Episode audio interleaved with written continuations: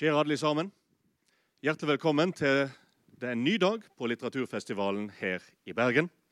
Og Det er glede for meg å ønske dere velkommen til klassikerforedraget. Det skal holdes av Kaja Skjerven Målerin, som skal snakke om forfatterskapen til Tony Morrison, med spesiell vekt på egfølelsen og fellesskap. Så la oss gi en stor applaus til Kaja. Vær så god.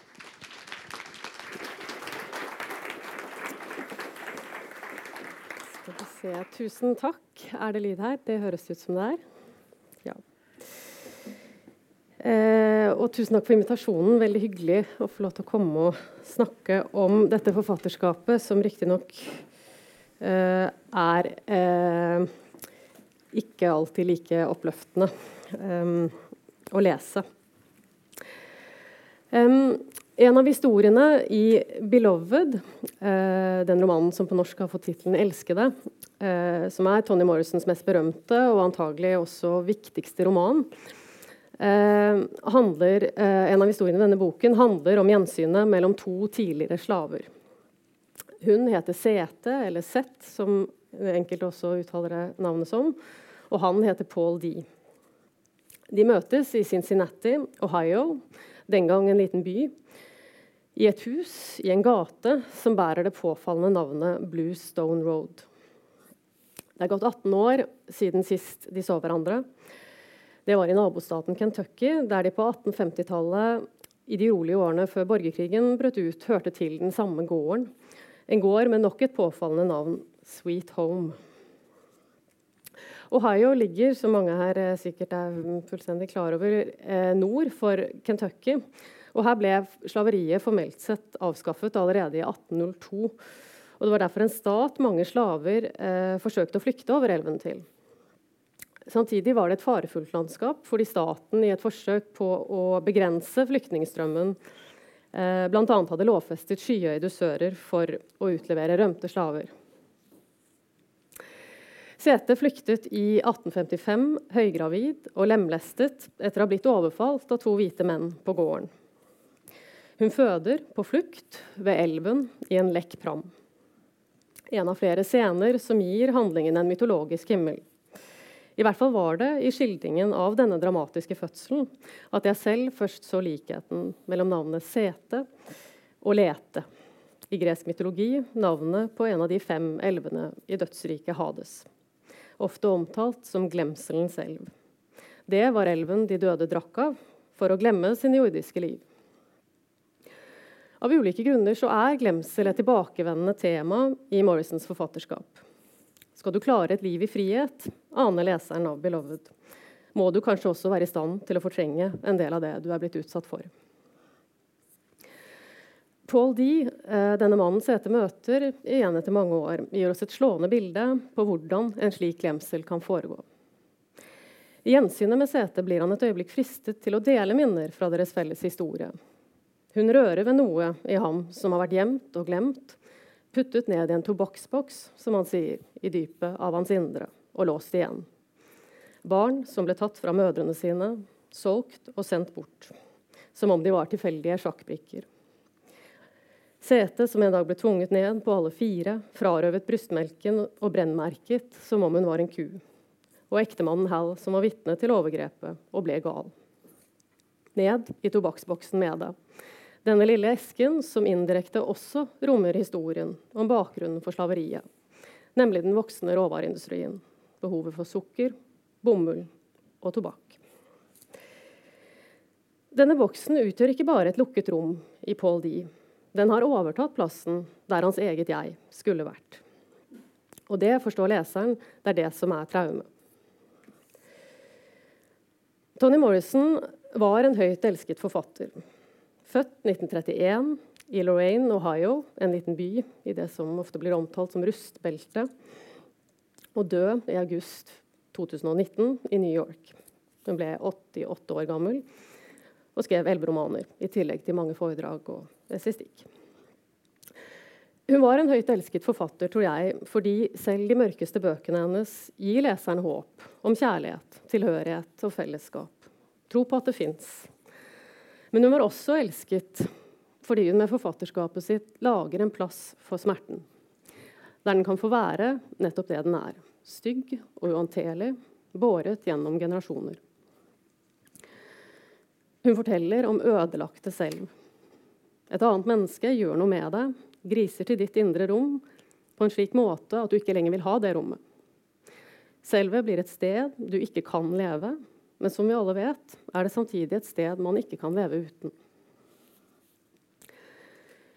Jeg må likevel innrømme at disse bøkene av og til har stått for meg som et utfordrende utgangspunkt å snakke om selve fra. Hva et selv er, hvordan det skapes og opprettholdes. Personene blir utsatt for ekstreme lidelser, og det er lett å tenke at det som skjer med selve i disse sammenhengene, altså følelsen av å være et jeg, et jeg, er et unntak. For de fleste har det vel for det meste ikke sånn. Men kanskje viser disse historiene, nettopp fordi de er ekstreme, noe som ellers er usynlig. Kanskje tvinger romanene leseren til å reflektere over noe som i en viss forstand gjelder alle, om enn på ulike måter, men som, blir, men som forblir skjult for flere. Har man ikke gått i stykker, så trenger man heller ikke tenke gjennom hvordan et selv kan gå i oppløsning, eller hvordan det kan repareres. Hvis det kan repareres.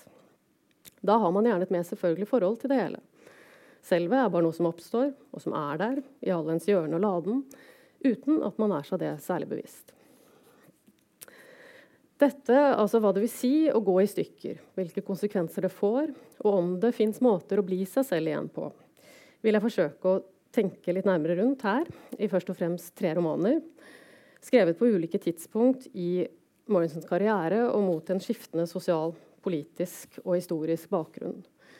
Det gjelder debutromanen 'The Bluest Eye', eller 'De blåeste øyne', som den heter på norsk, som kom i 1970. Eh, den allerede nevnte 'Beloved'. Og den etter mitt syn merkelig nedvurderte 'Home', eller 'Hjem', som den heter på norsk, som kom i 2012. 'Beloved' kom i 1987, så det er en, ja, ganske mange år mellom disse bøkene nå. Men aller først så tenkte jeg skulle si noe om eh, diasporaens betydning i forfatterskapet, altså denne konkrete historiske realiteten som handlingen i de fleste bøkene på et eller annet nivå utspiller seg mot. Og sånn helt innledningsvis kan jeg også si at de, disse norske, de norske oversettelsene eh, er oversatt av henholdsvis eh, Bodil Engen, som er oversatt eh, 'Hjem', Mona Lange, som er oversatt 'Elskede og de blåeste øynene'. og Noen ganger så bruker jeg de oversettelsene, andre ganger så bruker jeg de engelske eh, originalversjonene. Dere forstår når hva skjer. um, ja.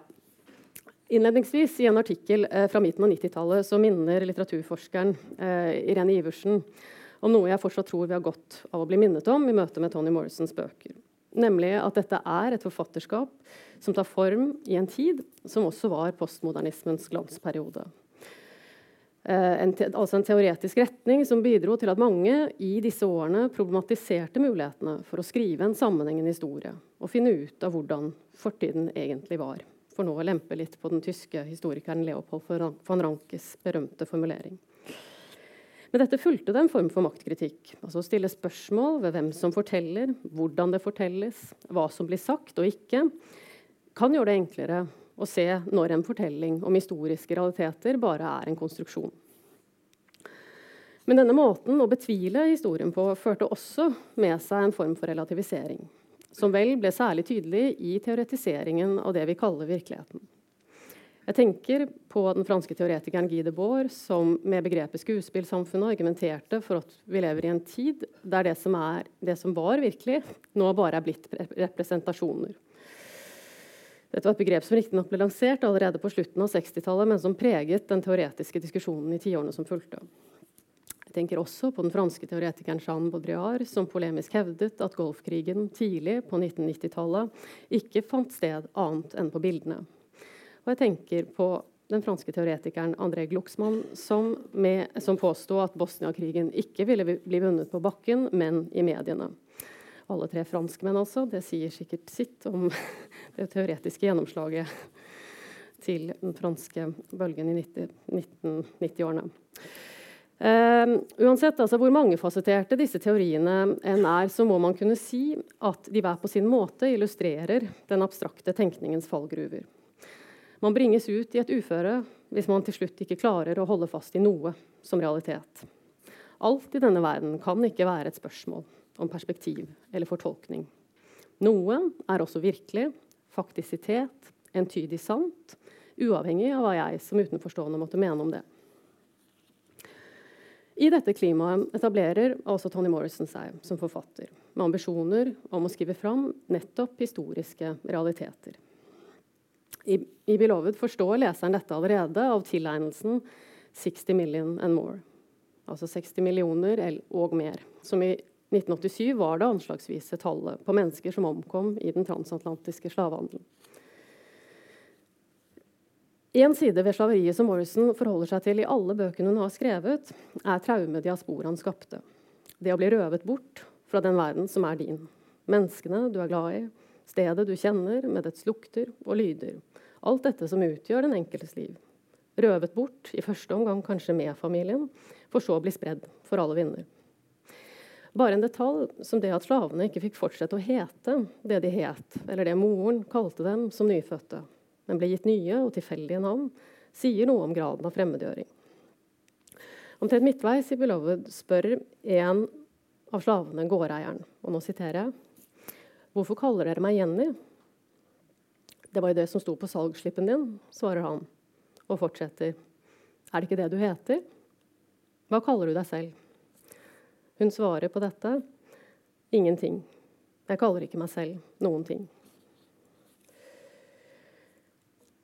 Anonymitet er et tema Morrison ofte kretser rundt, skjønt sjelden så eksplisitt som her. Et av spørsmålene bøkene hennes får, i hvert fall meg til å tenke over, er kan man finnes som anonym for seg selv, eller er det bare gjennom andres blikk at anonymiteten blir etablert? Og I forlengelsen av dette kan man bli seg selv alene, eller blir man den man er, den man, den man var ment å være, også i kraft av den vennlige andres blikk. 'Beloved' er basert på en sann historie om en kvinne som tok livet av den to år gamle datteren sin for å redde henne fra slaveriets redsler. Denne kvinnen har et navn. Hun het Margaret Garner. Men i det historiske kildematerialet Morrison forholder seg til, er det overveldende flertallet navnløse mennesker som aldri fikk en grav. Det er sånn sett ikke så rart at det fins noen gjenferd i dette forfatterskapet. Når datteren i 'Beloved', som er nettopp den elskede, hjemsøker setet og huset på Bluestone Road, viser hun seg både som en faktisk person som går igjen, og som en skikkelse som mer vagt minner om fortidens uhyrligheter. Kanskje er det pga. dette gjenferdet, altså denne hjemsøkelsen, at jeg alltid har forbundet romanen 'Hjem' med 'Beloved'. Hjem er et av de viktigste ordene i forfatterskapet. Karakterene er ofte hjemløse, og de lever i en uhjemlig verden. Men de legger også ut på reiser, indre som ytre, for å komme hjem. I 'Home', eller 'Hjem', da, eh, lar Morrison den krigstraumatiserte hovedpersonen Frank Money vende tilbake til hjembyen, der han i barndommen var vitne til noe han senere har forstått var et drap. En far og en sønn nå er vi i 1950-tallets USA. En far og en sønn ble tvunget til å slåss mot hverandre eh, til, en, til en av dem døde. Som en form for underholdning for en gjeng hvite menn. Og til slutt så skal faren ha tryglet sønnen om å drepe ham. På avstand så Frank dem kvitte seg med liket i et jordhull. Da var han kanskje 10-12 år. Og Mot slutten av romanen så lager han en grav for denne ukjente mannen. Pakker levningene inn i et pledd og merker graven 'Here stands a man'. Det er en handling som gir oppreisning til den døde, men også til Frank selv, som har flere forbrytelser på samvittigheten fra krigen i Korea. Han kommer nærmere å bli et anstendig menneske igjen ved å gi denne andre mannen, denne andre mannen verdigheten tilbake. Og dette er en typisk Morrison-visjon. Å komme hjem er å kunne si 'dette er meg'. Jeg vet hva som bor i meg og ikke. Det er å orke kampen for å leve et anstendig liv. En kamp vi jo alle fører med oss selv. Typisk er også den gripende vektleggingen av relasjonens betydning. For det avgjørende i denne gravscenen er ikke bare at noe skal være reist for deg, men at noen skal reise det for deg. At noen i ettertid forsøker å bøte på mangelen den døde ble påført i livet. Relasjonene han eller hun ble frarøvet som en følge av diasporaen. eller varianter av den.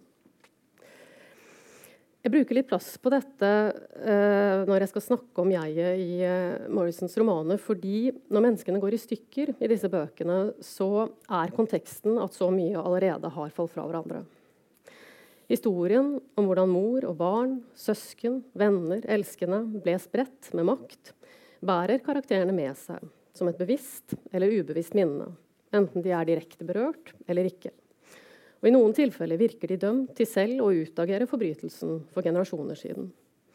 Ikke at det er et én-til-én-forhold mellom hva som er blitt gjort mot dem eller forfedrene, og hva de selv gjør med sine nære, men Morrison gir leseren innblikk i hvordan en slik destruktivitet kan forplante seg. Om man kan finnes som anonym for seg selv, er et spørsmål som melder seg tidlig for leseren av The Bluest Eye. En bok som også antyder hvordan et traume som diasporaen kan forgreine seg gjennom generasjoner utover 1900-tallet. Dette var altså Morrisons debutroman, og hun debuterte eh, Hun var altså nesten 40 år da hun debuterte. Eh, altså veldig seint til eh, mange forfattere å være, å være, Og det var en bok som ble fullstendig oversett da den kom. I ettertid så har den blitt uh, rehabilitert på mange måter. Og her får vi høre om en mor som uh, ytre sett er fri til å beholde et barn, men som pakker inn den fire dager gamle gutten sin i to tepper og et avispapir og legger ham på fyllinga ved jernbanestasjonen.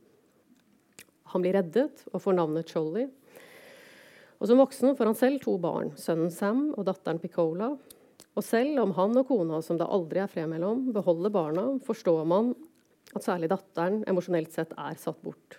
Forsømt og skjøvet ut i en iskald ensomhet, som kanskje får sitt klareste uttrykk i det naive, men presise spørsmålet hun stiller en klassevenninne hvordan får man noen til å elske seg?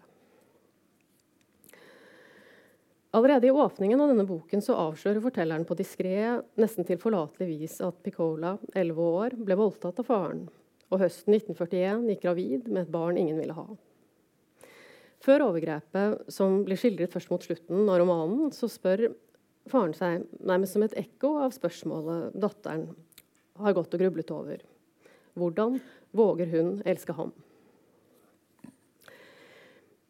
Begge disse spørsmålene springer ut av en dyp selvforakt, som for Picola kommer av at hun angivelig er stygg. Det var det første moren ble vi fortalt da, registrerte etter fødselen. Og Det er noe jevnaldrende jenter får med seg, de som slår følge med henne til skolen, så de selv kan føle seg pene. Selv ønsker Picola seg, ny, eh, hun ønsker seg blå øyne, det er derav tittelen. Hun vil altså ha nye øyne. Hva vil hun da se? Det ligger i ordet selvforakt at man forakter seg selv. Sitt selv. Altså at det fins et selv å forakte. Men i Piccolas tilfelle er dette jeget så godt som usynlig for henne. Hun ser bare konturene av det som er henne, når hun vil forsvinne. Bli ingen. Tidlig i boken, etter et slagsmål med foreldrene, dette er før overgrepet har skjedd, romanen tar form som et tilbakeblikk, um, så sitter hun alene og mumler. Og nå siterer jeg en passasje. Vær så snill, Gud, hvisket hun inn i hånden sin. Vær så snill og la meg forsvinne. Hun knep øynene igjen Små deler av kroppen hennes forsvant. Langsomt, brått og langsomt igjen. Fingrene ble borte, én for én. Så forsvant armene helt opp til albuene, og så føttene. Ja, det var bra. Begge beina på en gang. Det vanskeligste var over lårene. Hun måtte ligge helt stille og ta i av alle krefter. Magen nektet. Men til slutt forsvant den også. Etterpå brystet, nakken. Ansiktet var også vanskelig. Nesten ferdig. Nesten. Bare de hardt sammenknepne øynene var igjen. De var alltid igjen. Uansett hvor mye hun prøvde, fikk hun aldri øynene til å forsvinne. Så hva var vitsen da? Noe av det som har fascinert meg ved Morrisons måte å lage romaner på, er at hun alltid tenker mot strømninger i tiden. The Blue Style ble påbegynt på 1960-tallet, i en tid da bevegelsen Black is Beautiful var i ferd med å få gjennomslag i kulturen. Noe som bl.a. innebærer at det etablerte skjønnhetsidealet ble radikalt endret. Men for en jente i Lorraine, Ohio, altså Morrisons egen hjemby, eller i hvert fall fødeby, eh, så fikk så klart ikke denne bevegelsen eh, noen konsekvenser. Livet forble det samme, og det var ingenting vakkert ved det. Kan skyte inn det også at Tilsvarende så ble Beloved påbegynt allerede på slutten av 1970-tallet. Den kom altså i 1987. Og 70-tallet er jo som kjent kvinnefrigjøringens store tiår. Og noe av frigjøringen besto av at man kunne eh, velge å ikke få barn. Man kunne velge å ta abort eller bruke prevensjon. Morrison tok aktiv del i kvinnebevegelsen og har alltid omtalt seg som feminist. Eh, men i 'Beloved' så minner hun samtidig om at det fantes en tid da frihet for svarte var å få beholde et barn. Det er liksom den måten å, å tenke mot tiden da, som alltid gjør Morrison interessant, syns jeg. Men det jeg selv ble gående og tenke på etter å ha lest The Blue Sty på nytt, er hva ville det gjort med Piccola å få blå øyne? Hvordan ville hun med de nye øynene se på den hun var før? Ville ikke det bare være, en, uh, være å gjenskape en grusom måte å bli sett på? For er det ikke nettopp de blå øynene, det hvite blikket, som har bidratt til å skape behovet for å se annerledes ut, for å bli en annen? Hva man ser og ikke ser, er en gjennomgående problemstilling i Morrisons forfatterskap. Og det er også et spørsmål hun vil ha leserne til å tenke over. Vi som alltid er blinde for noe. I en fortid, i en samtid. Et mer skjult, men like viktig tema er hva den enkelte gjør med det han eller hun ikke kan se, ikke klarer å se, går i stykker av å se. Som et overgrep mot en man er glad i. I 'Beloved' blir som sagt setesmannen Hal gal etter å ha sett hva som ble gjort mot henne. Og han er ikke den eneste av Morrisons personer som finner en form for beskyttelse i galskapen. I 'The Blue Eye' er Piccolas tankeøvelse dette at hun tenker vekk kroppen sin del for del, et varsel om det som skal komme etter volden faren utsetter henne for. Nemlig en mer ugjenkallelig fragmentering. Før den tid får man også andre hint om at hun er og blir holdt innestengt i sin stykkevise, fremmedgjorte erfaring av verden. Som når hun går på butikken for å kjøpe Mary Janes og står der med pengene sine og forgjeves peker mot karamellene hun vil ha. Han ser ikke det hun ser, skriver Morrison om den hvite mannen bak disken. Synsvinkelen, veien fingeren peker, gjør det ubegripelig for ham. Eller når hun våkner altså Piccola, når hun våkner igjen på kjøkkengulvet etter å ha besvimt under voldtekten og prøver nå siterer jeg, å forbinde smerten mellom beina med ansiktet til moren som står bøyd over henne. Denne moren som for øvrig forblir uvitende om ugjerningen til det ikke lenger kan skjules at hun er med barn. At Piccola til slutt blir gal, overrasker ikke leseren. Så overveldende er pinen, og så alene er hun om å bære den. Men det som brøt med forventningene mine, i hvert fall, er hva som skjer i galskapen. Piccola blir gal i den forstand at hun hallusinerer. Altså hun blir psykotisk. Ordet hallusinasjon kommer av det latinske 'hallucinatio', som betyr tankeløs snakk eller drømmeri. Og Slik er det kanskje lett å tenke om hallusinasjoner. At ikke de har noe med den såkalte virkeligheten å gjøre. Ikke har rot i noe sant. Men alle som har hallusinert, vet at hallusinasjonene gjerne rører ved noe i ens eget indre, som ikke er til å bære på andre måter enn gjennom det hallusinerte. Noe som er for farlig og for smertefullt til å bli en integrert del av den man ellers er. Det slående med Piccola er at når hun virker som galest, ser hun som klarest. Og La meg med en gang si at dette ikke inngår i en romantisering av galskap fra Morrisons side. Av ulike grunner så tror Piccola til slutt at hun har blå øyne. Dette er en åpenbar vrangforestilling, og i tillegg til stemmen hun hører i hodet, det tydeligste tegnet på at hun er psykotisk. I denne tilstanden så ser hun samtidig seg selv som et jeg, på en måte hun ellers i romanen ikke gjør. Slik går deler av denne dialogen med stemmen i hodet. Skal lese lite avsnitt fra den. Hvem vil være populær? Ikke jeg. Ikke jeg heller. Men du kunne uansett ikke bli populær. Du går ikke på skolen engang. Ikke du heller. Jeg vet. Men jeg gjorde det før. Hvorfor sluttet du? De tvang meg. Hvem da? Jeg vet ikke. Etter den første dagen jeg kom på skolen med blå øyne. Dagen etter fikk de Mrs. Breedlove til å komme. Nå går jeg ikke lenger. Det er det samme for meg.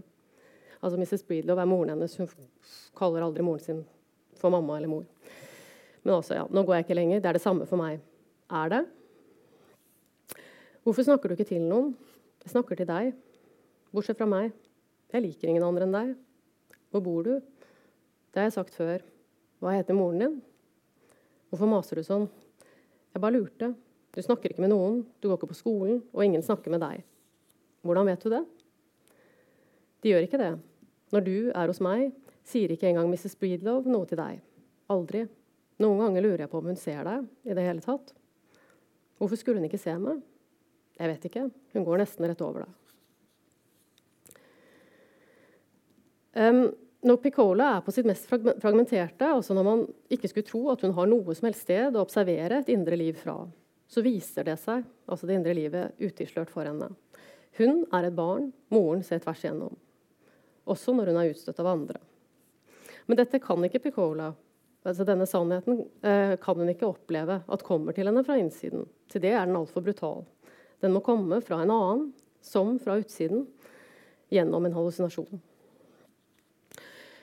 I et slikt sambrudd kunne man tenke seg at det lå vekstmuligheter, nettopp fordi hun ser noe sant og avgjørende. Men The Blue Sty er, som de som har lest boken, helt sikkert vet, en undergangshistorie. Piccola blir ikke holdt av noen, og heller ikke seg selv. Og som alle Morrison-lesere vet, går det aldri bra når man av ulike grunner ikke klarer å være sin egen venn. For eh, ikke så lenge siden gjorde en venn av meg oppmerksom på at Morrison skrev masteroppgave om selvmordstemaet i Virginia Woolfs og William Faulkners forfatterskap.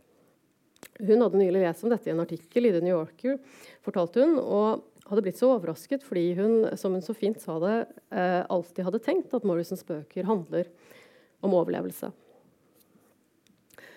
Litterært sett er det et nært slektskap mellom Virginia Woolf og Tony Morrison. Med sine komplekse setningsstrukturer og nyanserte bevissthetsstrømmer og vedvarende tematisering av hva det vil si å være menneske i, den moderne verden, så er de to fullblods modernister fra hver sin halvdel av det 20. århundret. Kanskje er det også sånn, har jeg siden tenkt, at Woolf og Morrison deler en interesse for forskjellen mellom overlevelse og gjennomlevelse. Begge deler handler om å komme seg gjennom noe, men komme seg gjennom noe som hvem da? Morrison skriver ikke bare om volden afroamerikanere blir utsatt for av hvite. Men også, hun skriver også om brutaliteten innad i det afroamerikanske samfunnet. Det er jo en av handlingstrådene i The Blue Sty, at en far som selv har startet livet på søppeldynga, ender med å voldta sin egen datter. Fysisk sett har han overlevd, men har han overlevd som medmenneske? kan man spørre seg. Det avgjørende spørsmålet i flere av Morrisons romaner er hvordan man lever videre etter overlevelsen. Kanskje er det ikke mulig å stå igjen med selve i behold etter å ha opplevd det flere av disse karakterene opplever. Men hvordan unngå å bli forkrøplet? Hvordan bryte ut av den blinde repetisjonen av voldshandlinger? Jeg tror dette belyser hvorfor vold og kjærlighet er så nært forbundet i disse historiene. Kjærlighet er eneste vei ut av repetisjonen. Og da ikke nødvendigvis romantisk kjærlighet, men kjærlighet forstått som det Freud i sin tid kalte eros. Og som for ham var det i oss som alt liv, alt kreativitet springer ut av. Det er livsdriften.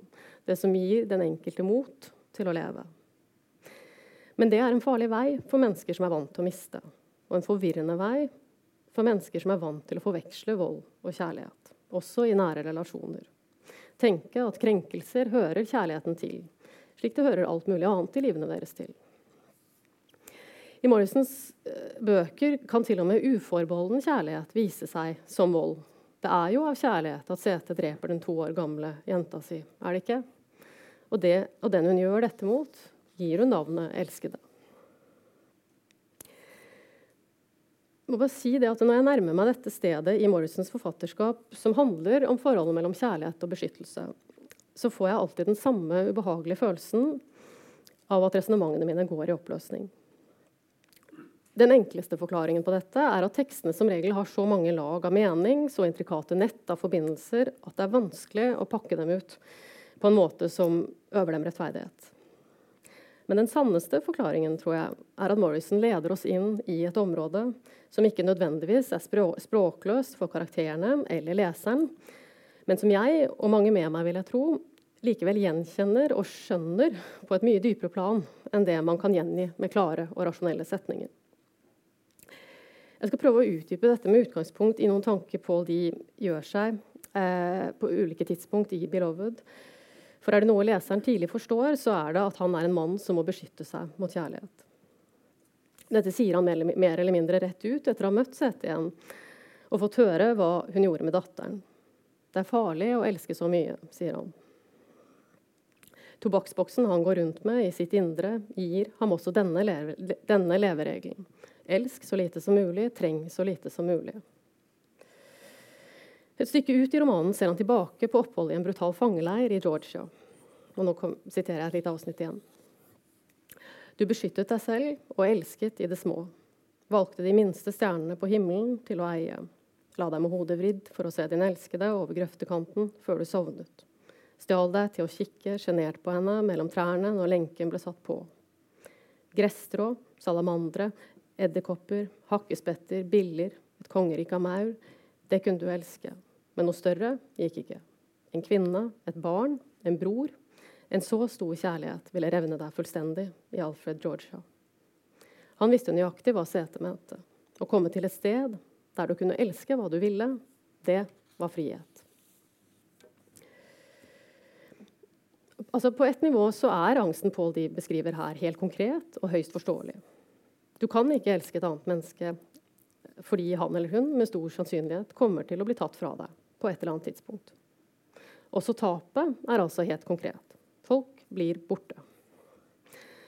Men alle som elsker noen, vet at man i slike relasjoner også kan miste ting som er mye mer uoversiktlige.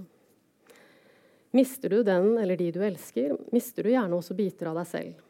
Biter du ikke engang visste at du besto av. Å elske noen er å sette seg i en risikosituasjon der alt potensielt kan gå galt og bli ødelagt. Revne deg fullstendig, som Paul D sier. For det er vel bare når du bryr deg om en person at du kan bli ødelagt i relasjonen. Det betyr ikke at ikke andre fremmede folk kan ødelegge deg, men det er av andre grunner og på andre måter. Når Paul D bestemmer seg for å elske lite, i det små, kunne man kanskje også tenke at det er for å beskytte andre mot seg selv. I visshet om at den lidenskapen du kjenner når du elsker, kan skade andre. Det er mye man kan si om Setes ekstreme handling, å drepe sitt eget barn. Men det er også å utsette et annet menneske for sin lidenskap. Og det er også, dette er vel også en måte å forstå hendelsene i The Blue Sty på. Når faren voldtar datteren, så ødelegger han antagelig den han er mest glad i. Selv så hører jeg til dem som uh, skulle ønske at Home uh, fikk være den boken Morrison avrundet sitt formidable forfatterskap uh, med. I stedet så kom det en roman til. Den fikk tittelen 'God Help the Child'. Eh, den kom i 2015, altså fire år eh, før hun døde.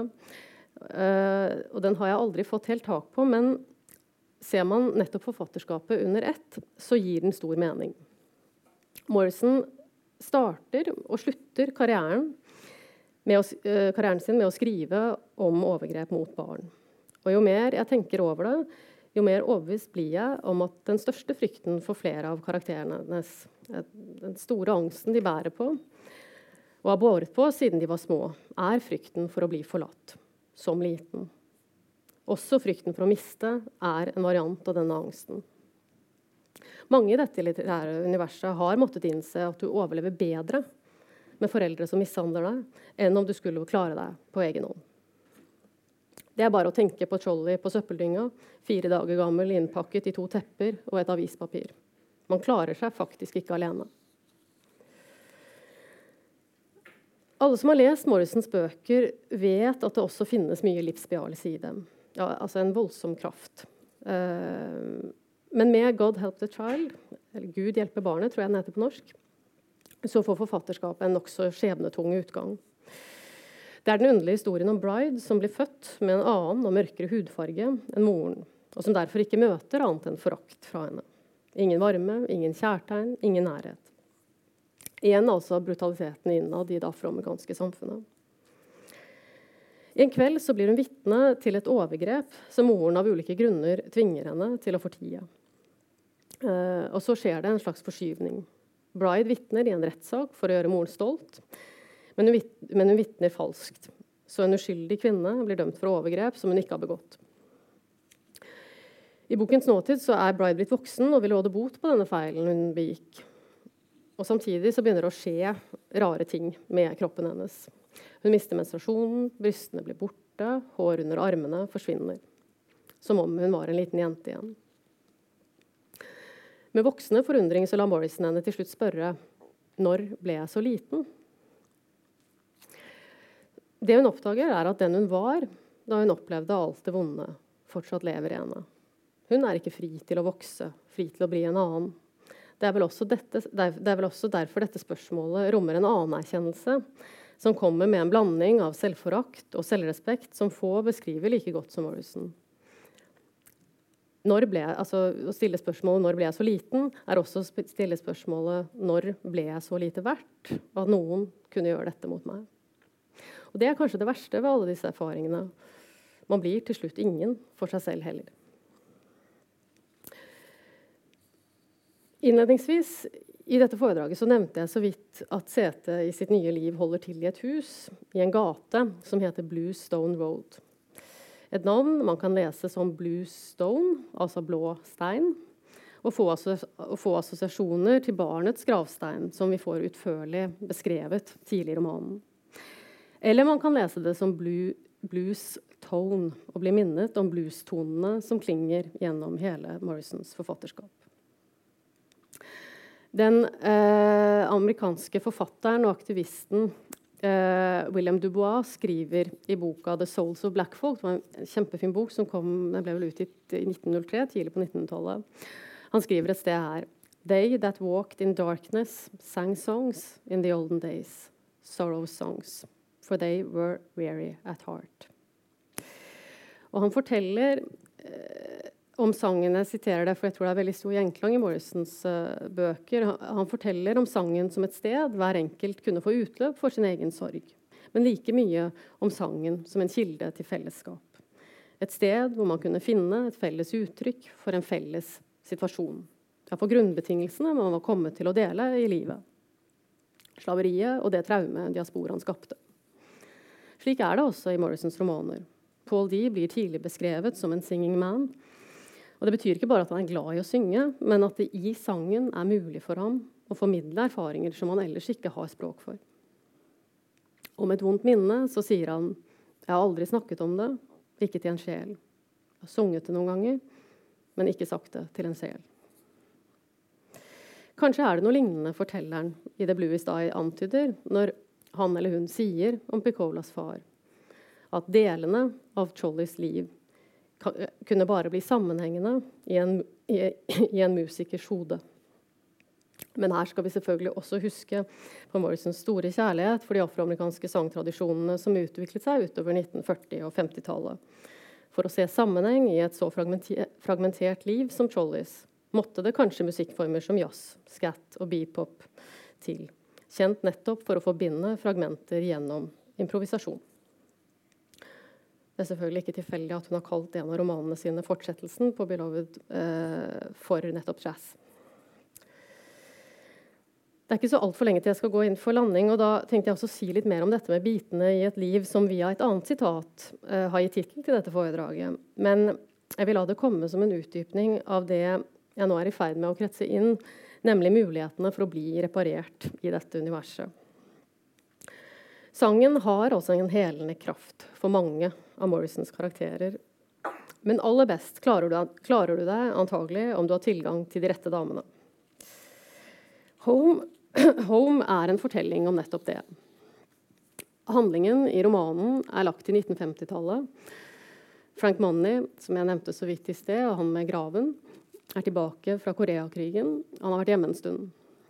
Men inni ham raser fortsatt krigen.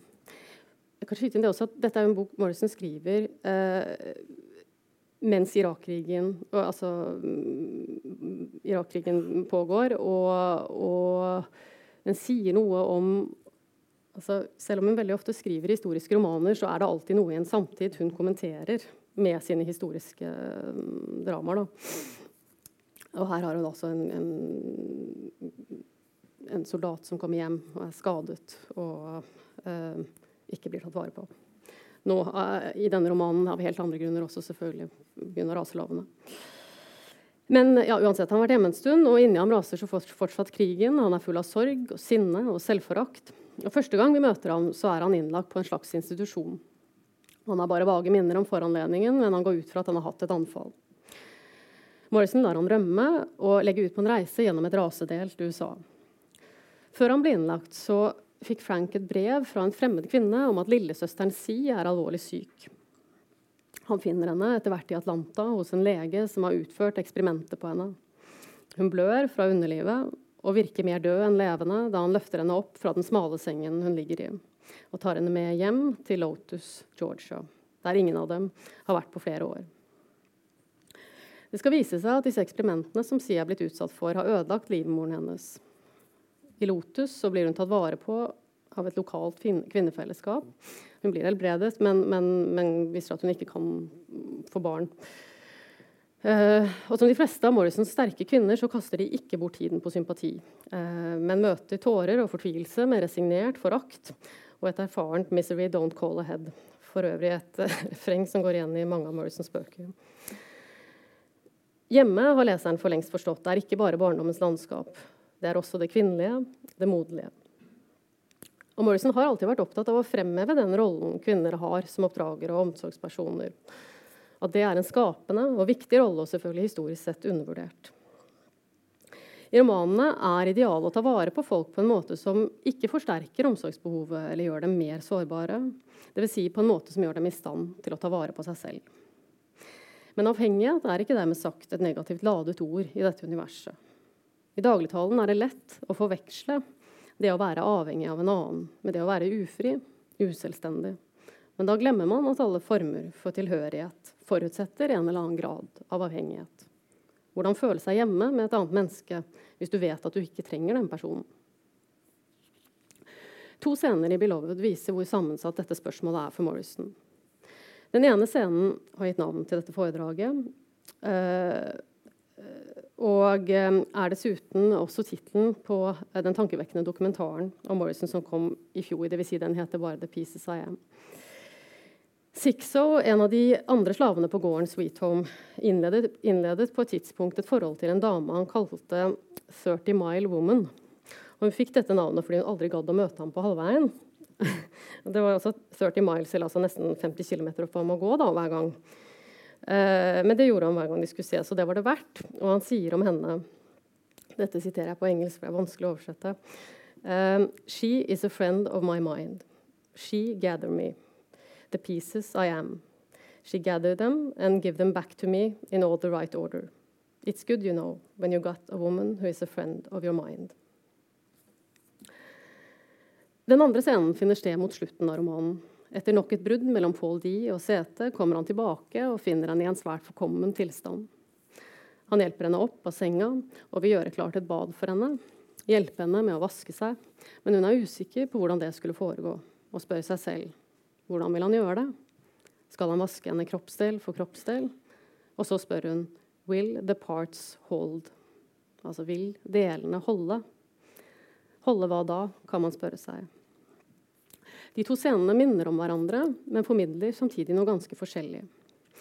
For mens Sixo føler seg holdt av 30 Mile Woman, samlet, ja, som et jeg, spør vel ikke sete bare, bare om Paul D vil holde henne samlet, eller om hun vil holde seg samlet med ham, men om kroppen hennes tåler kjærlighet. Denne kroppen som er blitt mishandlet i årevis. Om den tåler å bli synliggjort kroppsdel for kroppsdel i kjærlighetens lys. Dette er felles for flere av Morrisons personer, at de ofte ubevisst deler sitt eget indre opp i biter. De beskytter seg ved å holde ting fra hverandre, spalte ting bort, som behovet for kjærlighet. Og opplever slik.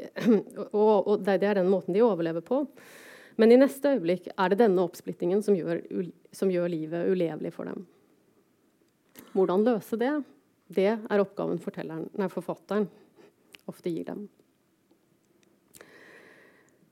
Tilfeldighetene ville ha det til at jeg en kveld under arbeidet med dette foredraget ble sittende og høre på den gang president Barack Obamas tale ved 50-årsmarkeringen for borgerrettighetsmarsjene fra Selma til Montgomery i 1965.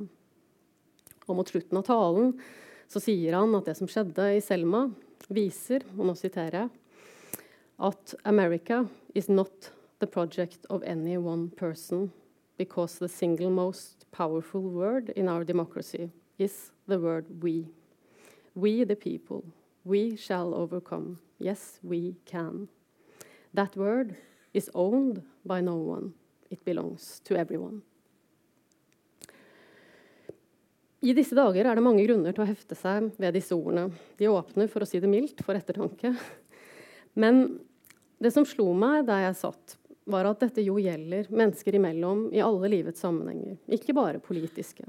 Vi-et tilhører alle. Jeg innledet med å spørre om Tony Morrisons bøker ikke gir oss et for utfordrende utgangspunkt å snakke om selve fra, fordi personene blir utsatt for uvanlige ekstreme lidelser. Men det i stykkeslåtte livet i disse bøkene holder nettopp fram et vi. De viser at det umistelige ved hver enkelt er noe som er felles for oss alle. Tusen takk.